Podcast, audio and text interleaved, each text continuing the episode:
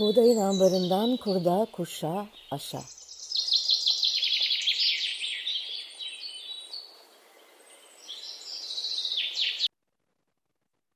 Merhaba, ben Buğday Derneği'nden Lale Han. Buğdayın ambarından kurda, kuşa, aşa podcast serimiz ruhumuza, aklımıza, toprağımıza düşen hayatın tohumlarının yeşerirken çıkardığı sesi duymak isteyenler için kayıtta. Bu haftaki kaydımızda konuğum derneğimiz Buğday'a ve projelerine bilgi ve deneyimiyle her anlamda katkı veren aynı zamanda eğitmenlerimizden Melih Aşanlı. Hoş geldin Melih. Hoş bulduk Derya. E, Melih'ciğim seni biraz e, tanıtmak istiyorum. E, bir eksik yap, varsa, hata yaparsam sonradan düzelt lütfen.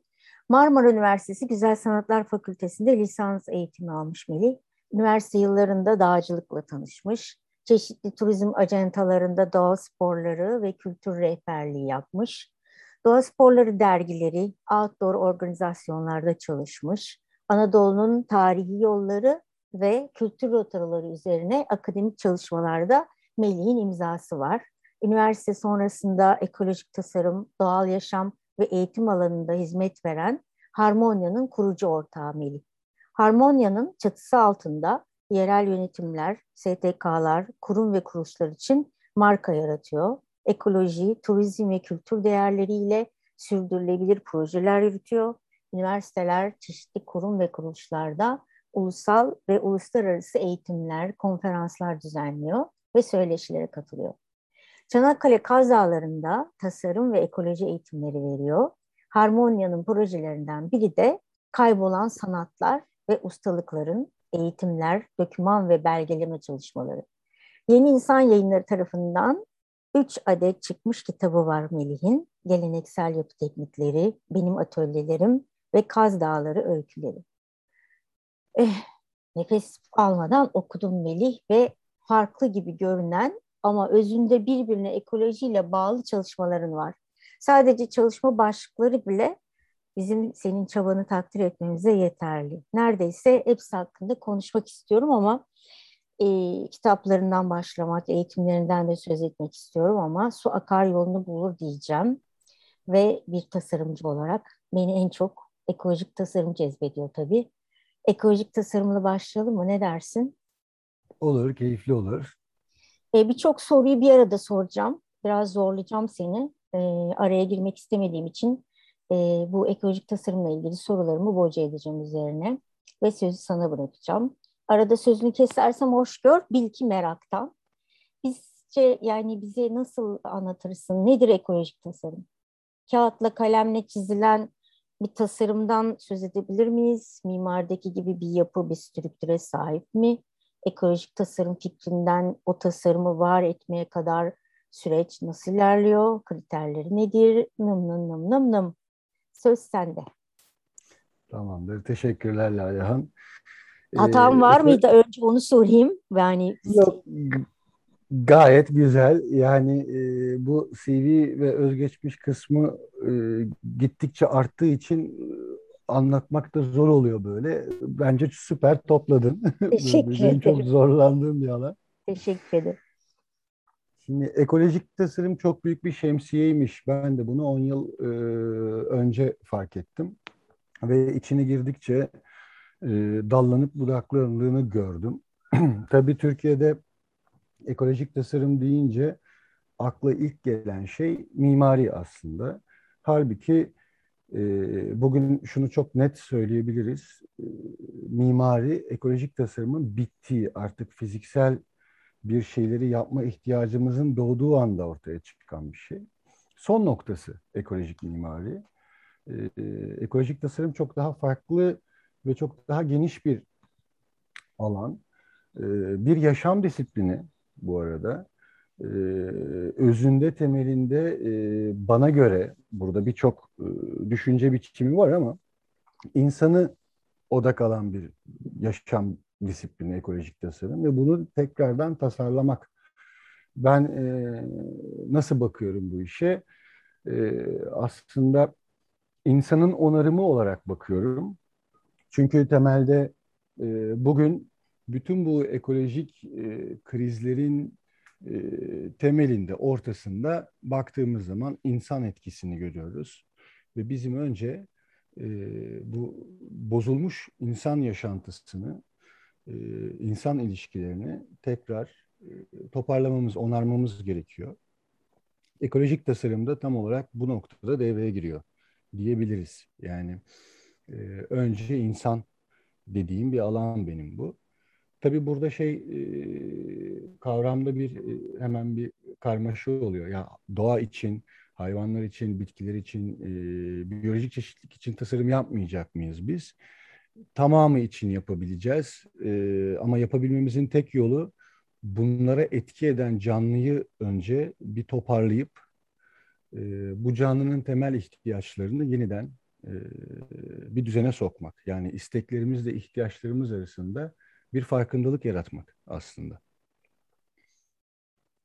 Peki bunca sıkıntılı ekolojik kayıplara rağmen ekolojik tasarım mümkün mü insan için? Yani kendini insan yeniden konumlandırabilecek mi sence?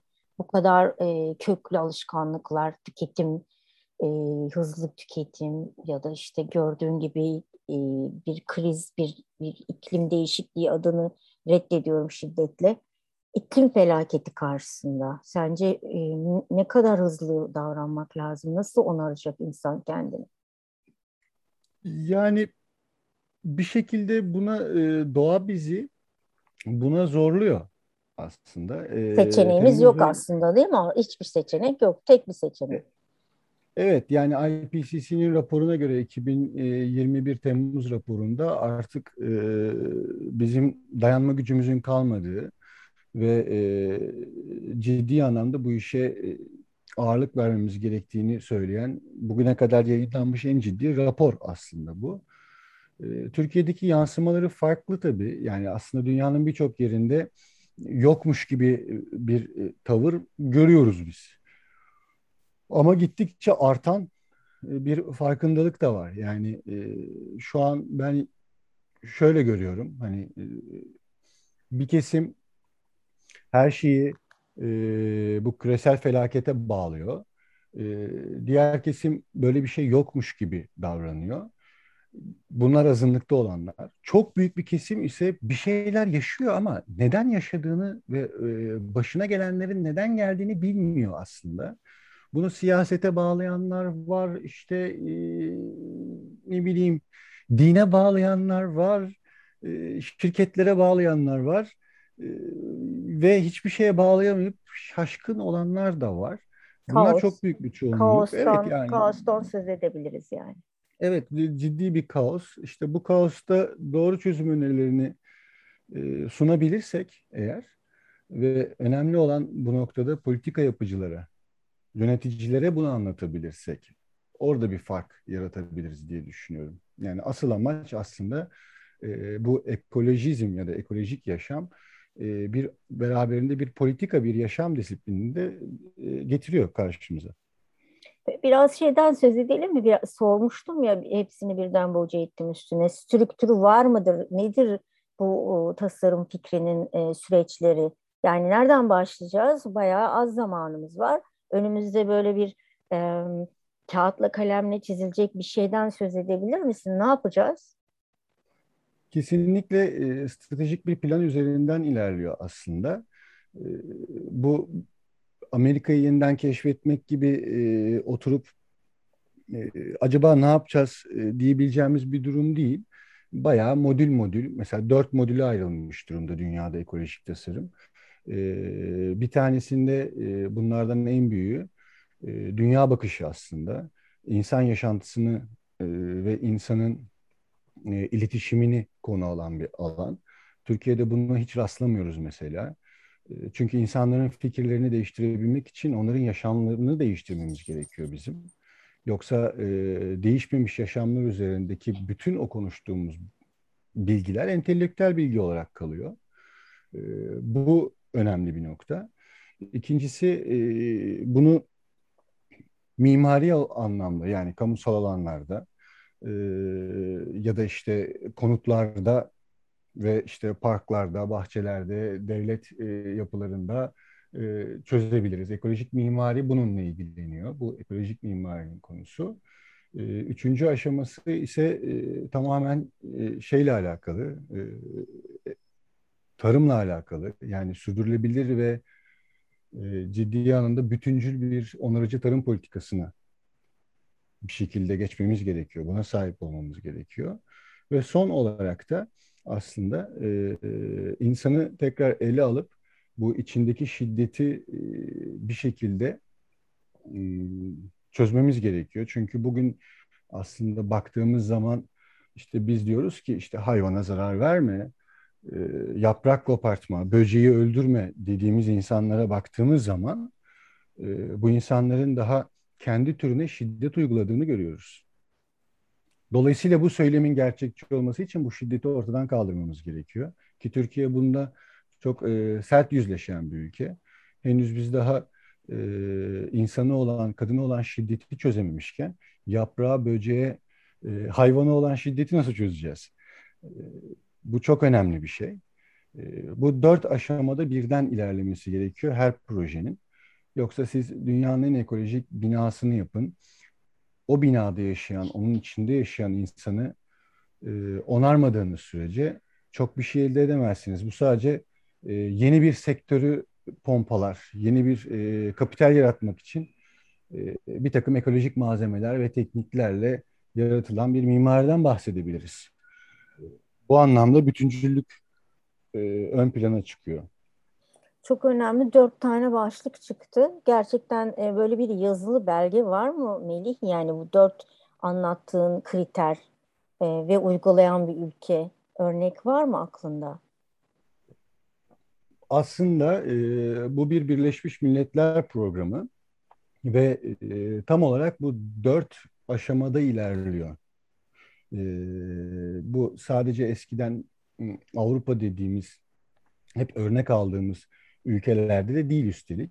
Yani bugün e, baktığımız zaman Afrika'ya ya da işte e, Asya ülkelerine baktığımız zaman e, bunun son derece başarılı uygulandığını görüyoruz.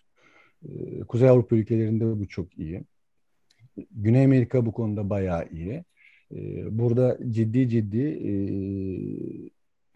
politika yapıcılar oturup bu konu üzerinde bu dört ana başlık üzerinde çalışıyorlar. Zaten diğer türlü olmaz. Yani bugün e, çiftçi organik tarıma geçelim demekle e, organik tarıma geçemeyiz. Bu bir devlet politikası. Ya da işte işte biz kentte artık elektrikli alet araç kullanıyoruz diyen bir belediyenin çok fazla yol kat edebileceğini düşünmüyorum. Burada ciddi anlamda e, köklü stratejiler ortaya koymamız gerekiyor. Bunlar da belirlenmiş aslında. Bu UNEPA'nın e, Avrupa Birliği'nin e, ciddi bütün kaynakları açık olarak sunduğu üstelik programları. Hani e, çok zor bulunan, çok zor e, uzun araştırmalarla elde edilen şeyler de değil. Bütün insanlar küresel çapta bunu kolay elde edebilsinler diye de sürekli yayınlanıyor bunlar. E, kendine yeterli bir yaşamı tarif edebilir misin peki? Bu kadar bu e, yapı üzerine düşünmüş, çalışmış bir insan olarak e, ekolojik tasarım e, fikriyle kendi yaşam alanını nasıl organize ettin? Bize bir örnek verebilir misin? Gerçek şu anda sürdürdüğün hayattan. Ee, evet yani biz off-grid bir sistemde yaşıyoruz. Ee, nedir? Yağmur suyunu hasat ediyoruz. Ee, bunu yaklaşık 6 yıldır yapıyoruz. Ee, enerjimizi güneşten sağlıyoruz. Gıdamızı e, 7 dönüm bir arazimiz var ve bu araziden çıkartıyoruz. Ee, dolayısıyla hiçbir şebekeye bağlantımız yok. Kendi yaptığımız e, bir evde yaşıyoruz. Ee, ekolojik mimari teknikleriyle yapılmış bir evde yaşıyoruz. Ee, bütün atık suyumuzu arıtıyoruz. Foseptik kullanmıyoruz. Ve tamamen işte bize e, o araziye giren hiçbir şey atık olarak çıkmıyor. Her şey dönüştürülüyor aslında.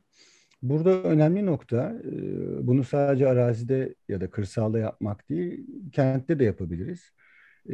İşte başta söylediğim bu isteklerimiz ve ihtiyaçlarımızı tanımlamak aslında. Neye ihtiyacımız var ve neleri istiyoruz? Genelde ihtiyacımız olan şeyleri bizler isteme eğilimi göstermiyoruz. aslında başka şeylere ihtiyacımız var. Sağlıklı gıdaya kolay değil ama sağlıklı gıdaya ihtiyacımız var. Temiz hava sahasına ihtiyacımız var. Daha çok açık havada vakit geçirmeye ihtiyacımız var. E, ama bunlar isteklerimiz arasında daha az yer alıyor. E, konfor dediğimiz şey e, bizim eylemsizliğimiz yani günümüz insanın en büyük sorunu zaten sedanter yaşam, e, hareketsiz yaşam. E, bizim isteklerimiz genelde ya bu doğrultuda olduğunu görüyoruz ya da işte e, bir takım tüketim manipülasyonlarıyla ki işte bunu sen de çok iyi bilirsin konun itibariyle e, böyle istekler oluyor. Yani televizyonda gördüğümüz ya da sosyal medyada gördüğümüz şeylerin peşine koşuyoruz. E, fakat bunlar hiçbir şekilde bizim ihtiyaçlarımızı karşılamıyor. O yüzden e, burada oturup e, kendimize bir checklist yapmamız lazım. Yani bu tam orada, tam, ha, tam o de, arada devreye gireceğim checklist derken. E, öncelikle şunu belirteyim, bir aile olarak yaşıyorsunuz kırsalda. Biz dediğin e, bir e, kızın ve bir eşinle bir aile sistemi kurdunuz kırsalda. E, tabii e, en merak ettiğimiz şey şehirliler olarak biz diyoruz ki işte acaba na, nasıl kurulabilir? E, orada checkliste sözünü kestim. E, pardon özür dilerim. Çünkü şunu sormak istiyorum. Şehir elektriğine muhtaç olmayacağım. Suyuma, market gıdasına ihtiyaç duymayacağım. Yağmurdan suyumu, güneşten elektriğimi alacağım. Topraktan gıdamı temin edeceğim atıklardan da toprağımı üreten bir sistem kur, kuracağım. E, nereden başlayacağım sence? Ee, işte aslında... checklist, checklistten burada söz edebiliriz dinliyorum. ben, evet. Benim için değil. Ben her zaman her podcastimde belirtiyorum. Benim de görevim şehirde kalmak. Yani şehirler çok kıymetli. Ben çok seviyorum şehirleri. Teşekkür ederiz. Ee, sadece ben ekolojik tasarım yaptığımı savunuyorum. Bunu iddia ediyorum ve e, söylediğim şeyi ben kendim yaşamıyorsam ne kadar inandırıcı olurdum bu hayatta. E, bir sistem kurmak için uğraşıyorum. Ama o sistemi kendime kuramadıysam e, orada bir e, kavram karmaşasına düşerim aslında. O yüzden kırsalda yaşıyoruz. Bunun doğru olduğunu düşünüyoruz. Ama ekolojik yaşam ya da ekolojik tasarım kırsalda değil tabii ki. Biz bu işe şehirde başladık. Checklistle alakalı e, önce kendimizden başlamalıyız. Gerçekten kendimizden başlamalıyız. E, ben ekolojiyle ilgilenmeye başlamadan önce işte doğa sporları, işte hayatım boyunca bir spor vardı. Fakat ekoloji bana çok fazla şey öğretti. Bir kere insan metabolizmasını öğrenmek zorunda kaldım ve ilginç bugüne kadar aldığım hiçbir eğitimde bana bu öğretilmemişti. Ne yemem gerekiyor, ne yememem gerekiyor, midem nasıl çalışıyor, bağırsak floram nedir, bakteriler ne iş yapar. Ee, karşıma kocaman bir liste çıktı. Ee, işte bütüncül dediğimiz kısım bu. Ee, doğanın bir parçasıyız biz ve bunu e, ancak biyolojiyle e, çözebiliriz. Biyolojiyi bilerek anlayabiliriz. Henüz e, kendi bedenimizin ihtiyaçlarını tanımlayamıyorken bu oldukça zor. Mevsiminde beslenme e, kısmına nasıl geçebiliriz ki hani kendi bedenimizi tanımıyorsak, bedenin ihtiyaçlarını bilmiyorsak. E, işte bugün hareketsiz yaşamı engellemek adına bir sürü e, spor salonları var şehirlerde. Ama kırsalda zaten e, tam bir zamanlama var ya yani doğanın muhteşem bir zamanı var. Ne çıkıyorsa onu yediğimiz zaman zaten işte bahar dönemlerinde otomatikman detoks yapıyoruz. E, vücudun işte kıştan çıkan bir e, beden daha hantal, daha ağırken tarlaya, bostana girdiğimizde o bedenin stresini azaltıyoruz. Tekrar hareketlilik sağlıyoruz. E, yeterli miktarda spor yapıyoruz aslında ve doğru bir spor yapıyoruz. Çünkü insan e, şey olarak da böyle kalkıp her gün ya da haftada iki gün iki saat boyunca uzun süreli sporlar yapan bir canlı değil. Daha sık ve daha kısa süreli hareketlere sahip olan bir canlı. Çünkü sonuçta avcı topluculuktan geldiğimiz bir gerçek. Oradaki yaşam dinamikleri doğada hala devam ediyor aslında. sonrasında ise bize ne yeter kısmını tanımlamamız gerekiyor. Yani ne kadar büyük bir ev? Ev olarak nereyi tanımlıyoruz biz? Yani o dört duvarın için tanımladığımız zaman o evin metrekaresi hemen büyüyor mesela. 100 metrekare, 200 metrekare, 300 metrekare oluyor. Halbuki e, evimiz olarak tanımladığımız şey arazinin kendisi ise, doğanın kendisi ise o zaman ev küçülmeye başlıyor. E, şehirdeki gibi değil tabii ki kırsal. E, şehirde bir tane evimiz var ve her şeyi orada yaşıyoruz biz. Tek sahip olduğumuz özel alan o. E, ama kırsalda öyle değil. E, yılın en az 6 ayı yani Türkiye'nin bütün neredeyse coğrafyasında neredeyse 6 ay dışarıda konforlu vakit geçirebiliriz biz. O yüzden büyük iç mekanlara, çok büyük e, binalara da ihtiyacımız yok. Böyle bunları deneyimleyerek aslında e, kendimizde keşfedebiliriz. Yoksa hani ben şimdi bunları böyle anlatıyorum ama 10-12 yıl önce benim ilk kendi evim diye çizdiğim evlerde 130-140 metrekareydi. O yüzden en çok kendimden biliyorum. İnsan e, oturduğu yerde tasarım yaparsa neler yapabiliyor? E, bunu uygulayıp deneyimlerse ne kadar küçülebiliyor? E, kendi hayatımdan çok net bildiğim gerçekler bunlar. O checklisti e, biraz kendimize vakit tanıyıp e, deneyimleyerek ancak oluşturmak daha sağlıklı. Bir şey soracağım e, Melih. Şimdi tabii ki kırsal deyince kelimenin içinde bile böyle bir kır sanki e, sonsuz bir boşluk doğanın içinde ve e, sessizlik ve huzur ve ruh dinginliği arasında yalnızlık gibi. Yani eşittir orada sanki doğayla baş başasın gibi bir e, şiirsel tanım çıkıyor ya da bir pastoral e, gö görüntü e, geliyor insanın e, aklına. Halbuki orada kırsalda bir dayanışma da söz konusu değil mi? Yani bir yalnızlıktan söz edebiliriz. Evet kişisel bir e, çaba ekolojik tasarım içinde insanın, bireyin kendine yeterli yaşam e, tasarlaması. Ama bu tasarımın içinde e, bir e, imece de var diye e, düşünüyorum. Bu konuda da biraz sohbet edelim mi? Ne dersin? Olur. Ee, tabii biz 12 yıl önce e, yola çıktığımızda çok az insan vardı. Ama şu anda Türkiye'nin e, kırsal yaşamı son derece iyiye gidiyor diyebiliriz. Fazla e, bu sayı çok arttı. E, bu sayıyla birlikte artmasıyla birlikte tabii dayanışmalar da arttı. İş keyifli hale geldi bu e, bu iş. E, daha kalabalık yani her yerde sadece Kaz Dağları'nda değil çok fazla insan Türkiye'nin dört bir yanında kırsala yerleşti ve e, ortak ihtiyaçlarımız var aslında. Bunları da birlikte yapmaya başladık. Buluşmalar, e, birlikte ekip biçmeler, e, işte eğlenmek için yan yana geldiğimiz yerler var. E, bu tabii işin daha renkli bir hal almasına sebep oldu. Çünkü önceleri oldukça zordu. E, çok az insan vardı ve o yalnızlık, pastoral yapı romantik değil aslında daha şiddetli, daha sert, daha yalnız e, bir haldeydi. Şimdi biraz daha yumuşadı o kısım ama yine de çok büyük eksikler var diyebiliriz. E, çünkü aslında sadece işte kırsal yaşam e, Türkiye'de ciddi bir şekilde bizim ödediğimiz bir bedel. E, çünkü doğanın içinde yaşamak için şehirlerden olabildiğince uzakta bakir bölgelere gitmemiz gerekiyor. Ee, ama bu birçok şeyden de mahrum kaldığımız anlamına geliyor. Yani işte özellikle benim en çok hissettiğim şey e, sanattan, e, bütün bu organizasyonlardan, kentin bize sunduğu tiyatrodan, işte güzel bir kafeden, e, bir konserden oldukça mahrum kalıyoruz.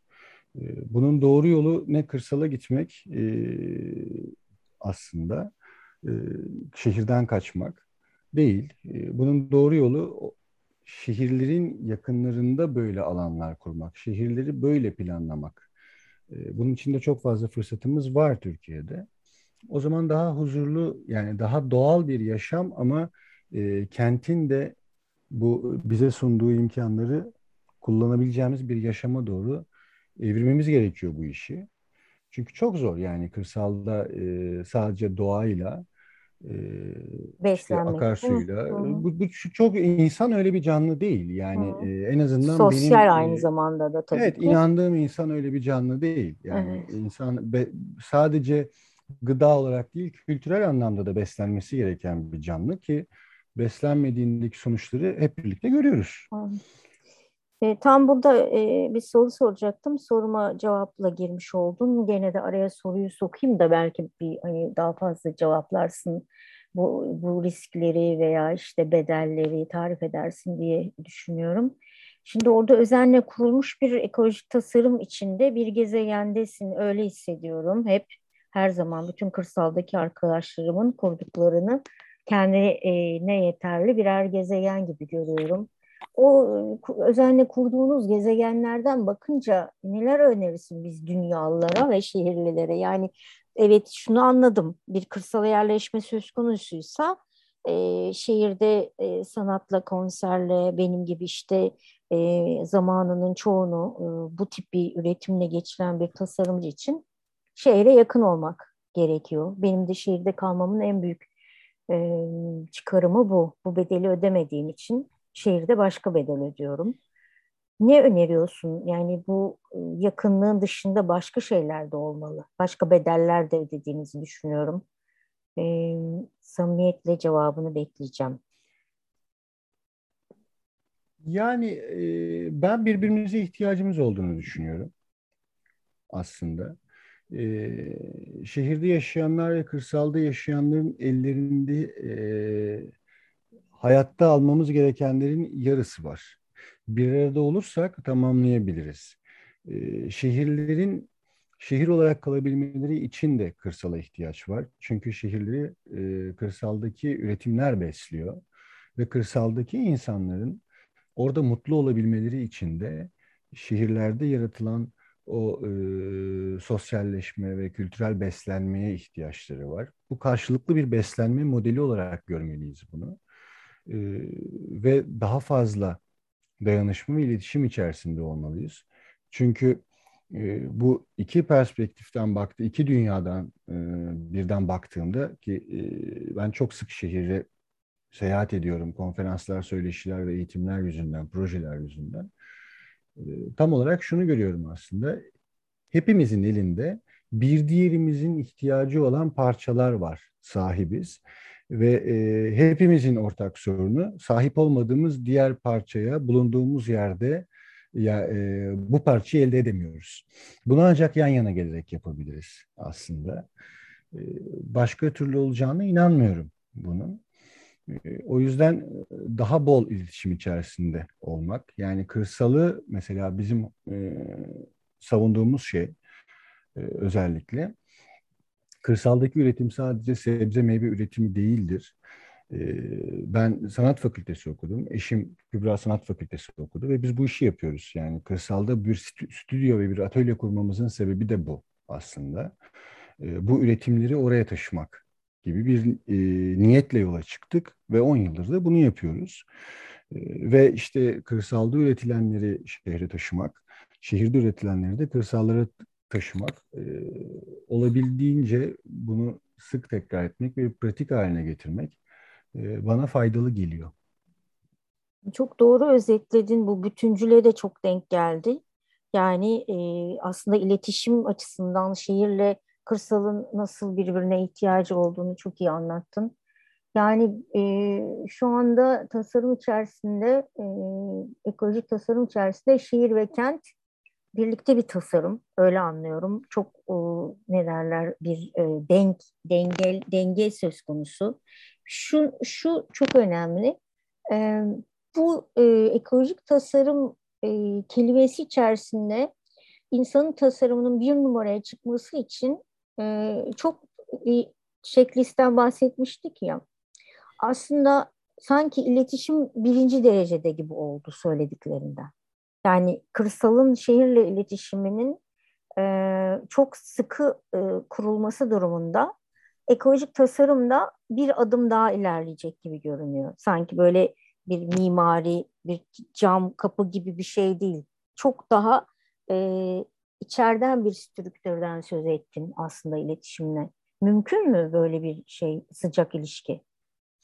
Bunu başaramazsak e, sınıfta kalacağız. Yani Onun için sordum e, zaten. Çünkü biz biraz önce söylediğin şeye çok takılmış durumdayız. E, neye? E, kırsal bizi besliyor. Yani sadece tarım. Yani böyle bakmak e, yine o korkunç tüketimimizin bir sloganı. Kırsal bizi besler. Neyle besler? Patlıcan, domates, maydanoz. Öyle değil mi? Tarımla yani. Gıdayla. Evet. Gıdanın bu kadar e, yemek üzerinden e, kurması, kurulması e, gerçek tüketim işte zaten. Bunu kırmamız lazım. İletişim derken bütün yönleriyle kırsalla iletişim kurması gerekiyor şehirlinin. Şehir, e, kırsalın da şehirle iletişimi kurması e, düzeyinde belki bakmak lazım ekolojik tasarımın içeriğine. O anlamda söylediklerin çok değerli. Başaramazsak sınıfta kalacağız. Yani zaten hani, e, bizim uğraştığımız ve benim inandığım dediğim çünkü e, birçok alan var. E, özellikle Türkiye'de kırsal iki parça. Bir tanesi yani ekolojik tasarım, ekoloji iki parça. Bir tanesi sağlıklı gıda, ikincisi sağlıklı bina. E, peki sağlıklı insan dediğimiz şey e, nedir? Yani benim için o yüzden insan çok kıymetli. Sağlıklı insan, sağlıklı gıdayla beslenen ve sağlıklı bir binada yaşayan insan mıdır? E, değil. Çünkü böyle imkanlara sahip insanların da son derece sağlıksız olduğunu görüyoruz. Yani bu daha çok hatta e, biraz ekonomik varlıkla alakalı. O zaman bu eğer doğru olsaydı yani sadece gıdamızı biz e, sağlıklı bir şekilde sağlayıp son derece konforlu ve ekolojik yapılarda yaşıyor olsaydık hepimiz durum değişecek miydi? Hayır, insan aynı insan olacaktı, değişmeyecekti. Bunu ancak iletişimle çözebiliriz. Daha fazla iletişim, daha fazla güven duymamıza sebep olur bizim. E, çünkü görüyoruz burada Türkiye'de bu yıl iki tane çok ciddi kriz oldu. Biri yangınlarla bütün ülke yandı. Diğeri sel felaketi eş zamanlı oldu. Ve böyle kriz anında e, iletişimi olmayan bir topluluğun cadı avına çıktığını da görüyoruz ki bu çok büyük bir tehlike. Aslında suçlayacak kişiler arıyoruz sürekli. E, çünkü birbirimizi henüz tanımıyoruz. Ama bir yandan insanın... da büyük bir dayanışma da çıktı. İyi yanından evet. bakarsak da. Ya ben bunu şu, şu e, şöyle görüyorum. İki tane yolumuz var bizim. Ya e, bu küresel iklim felaketinden dolayı kaynaklanan bir sürü krizin e, bertaraf etmek için biz yaralarımızı sarmak için bütün enerjimizi harcayacağız. Yani felaketlerin arkasından koşacağız. Hı hı. Ve enerjimizi aslında e, buna harcayacağız ve tükeneceğiz diye düşünüyorum. Ee, işte selden kaybolanları bulmaya ve e, çok hızlı barınaklar yapmaya ve çok hızlı gıdalar aç kalan insanlar için çok hızlı gıdalar üretmeye başlayacağız. Ve bu e, geçici çözümdür bunların tamamı ve hiçbiri için sağlıklı oturup düşünecek vaktimiz yoktur çünkü ortada ciddi bir kriz var böyle ya da e, krizlerin önünden bir planlama yaparak e, daha dirençli alanlar kuracağız. Bu, bunun için mesela belediyelerin elinde çok ciddi bir güç var aslında. E, krizlerden önce hareket edeceğiz. Burada e, bir karar vermemiz lazım bizim. E, krizlerden sonra yapacağımız şeyler bellidir. E, burada kriz anını çözmeye çalışırız ve bu hem ekonomik hem zaman hem de insan gücü olarak bütün enerjimizi alabilir. Bu tehlikelidir. Ya da krizler gelmeden e, onun önünden dirençli alanlar yaratırız. E, ve krizler o zaman bizden teyit geçebilir. Burada artık e, Türkiye'nin de seçim yapması gerekiyor. Aslında çok e, iki tane e, şey seçenek göstererek anlattın. Dilerim gelecek günlerimizde biraz daha bu seçeneklerden en azından olumlu olan konusunda çalışırız.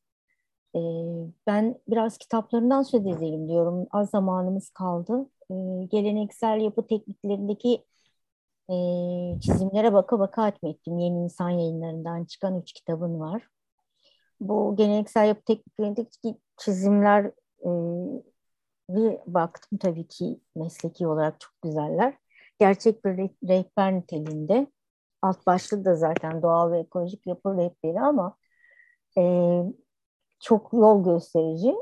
Ben birini bile uygulayamam o ayrı. Derken ikinci kitabın çıktı benim atölyelerim. Sonra e, düşündüm kim bilir ne çok faydalan kişi vardır ben hariç. Gerçekten hiç, hiç e, elim bir şeye yatkın değil bu konuda. Yapma konusuna. E, hayranlık duyuyorum bu, bu uygulamaları yapan arkadaşlarıma. Çok güzel iki kitap. Son kitabımsa tamam benlik. Orada rahatladım. Çünkü ikisini e, gerçekten rehber olarak algılıyorum. Yapı teknikleri e, rehberi. Gerçekten eline sağlık. Ama üçüncü çıkınca biraz tabii rahatladım. Orada anlayabiliyorum Kaz Dağları öyküleri. Ee, sen kitapları nasıl değerlendiriyorsun? Üç kitap çıkardın. Galiba bu e, Kaz Dağları öyküleri senin için daha mı önde? Ee, biraz öyle, biraz değil. Ee, aslında geçenlerde bu yangınlar sonrasında e, Instagram'da biri paylaşmış. Çok hoşuma gitti. E, diyor ki yangınlara koşuyorum, eylemlere koşuyorum. Ben neydim? Öğrenci miydim? E, mezun muydum? Kredi kartı ödemem mi vardı? Artık başka bir yerdeyim diyor. E, ilk kitap biraz böyle çıktı. Çok güzelmiş e, bu paylaşım. hakikaten e, bir açık vardı Türkiye'de e, ve yanlış uygulamalar vardı ve benim de üniversiteden beri araştırdığım konular vardı ve e, bir tasarımcı olduğum için de e, böyle bir kitap yazdım aslında. E, önce blog yazacaktım, sonra kitaba döndü bu iş Kübra sayesinde e, ve orada da çizimler Kübra'nın değil mi? Çizimler benim orada evet. kitap tasarımı Kübra'nın. Ah, çok ee, şeyde orada da mesela teknik yerine biraz daha sohbet, biraz daha minik bir felsefe, biraz daha e, aslında teknikten uzaklaşmaya çalıştığım bir e, yer. İlk deneme geleneksel yapı teknikleri. E, sonrasında atölyelerim de gündeme geldi. Çünkü verdiğimiz eğitimlerde böyle bir talep vardı. Ben yine başka şeyler yazmak istiyordum. Kaybolan değerleri yazmak istiyordum aslında. O yüzden e, bu benim atölyelerim kitabı e, ilk yarısı ikiye böldüm kitabı. Evet ikinci yarısında tornavida nasıl kullanılır anlattım ama ilk yarısında e, kaybettiğimiz değerler, küçük sanayiler ve sanayilerde çalışan insanların öykülerinden bahsettim.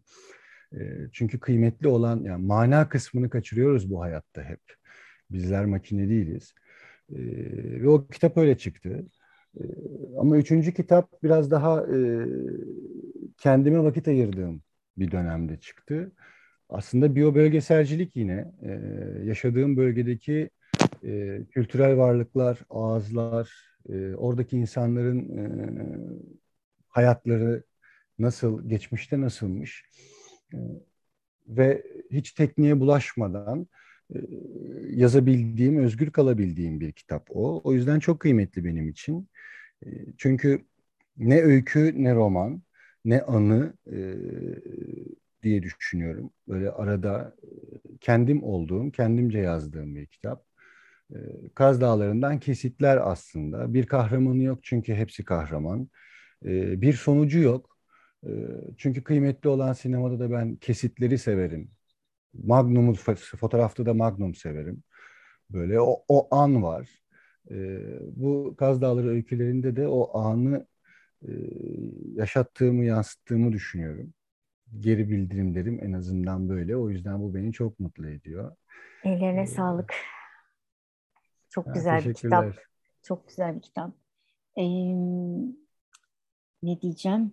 Gezegenimizin geleceği için, sürdürülebilir yeni dünya için deneyim tohumlarını, gönüllülük tohumlarını, manayı, anlamı, ekolojiyi kurda kuşa aşa diyerek zihnimizin, ruhumuzun, hayatımızın ve yaşadığımız şehirlerin toprağına savuruyorum. Yaşarsınlar, büyüsünler, çoğalsınlar. ve son söz sende Melih. Teşekkürler. Ee, böyle bir programda yer aldığım için e, bir kere çok keyifli bir şey. Bu seninle sohbet etmek eğlenceliydi, çok keyifliydi. Teşekkür Böyle. ederim ben de. Ee, ve ben başaracağımıza da inanıyorum bu arada. Çünkü yeterince istersek yapamayacağımız şey olmadığını düşünüyorum. Dünyadaki bütün insanlar olarak. Bütün bu krizlerin evet kötü yanları var ama e, biz şunu da görüyoruz. E, artık e, ekoloji söz konusu olduğunda sınırlar ortadan kalkıyor. E, o yüzden kötü bir tablo var ortada ama arkasından gelen kocaman bir dayanışma olduğunu da görüyoruz biz. Hani e, belki 10 yıl sürecek, belki 30 yıl sürecek bilmiyorum ama bu güzel bir sınav, hayırlı bir sınav gibi geliyor bana. O yüzden çok da umutsuz değilim.